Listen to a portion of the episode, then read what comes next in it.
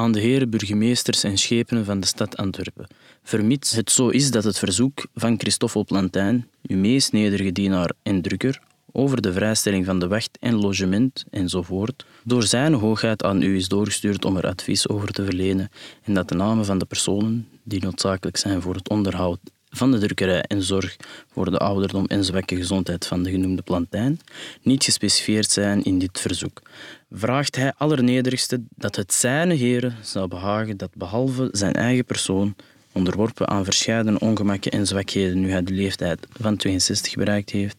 zij ook zijn twee schoonzonen met naam zou laten opnemen in deze vrijstelling. De ene is François Raffelange, zijn belangrijkste proeflezer en rechterhand in de drukkerij. De andere is Jehan Moerentorf, die voortdurend in beslag genomen is met de boekhandel en andere noodzakelijke zaken voor de gang van zaken van de drukkerij.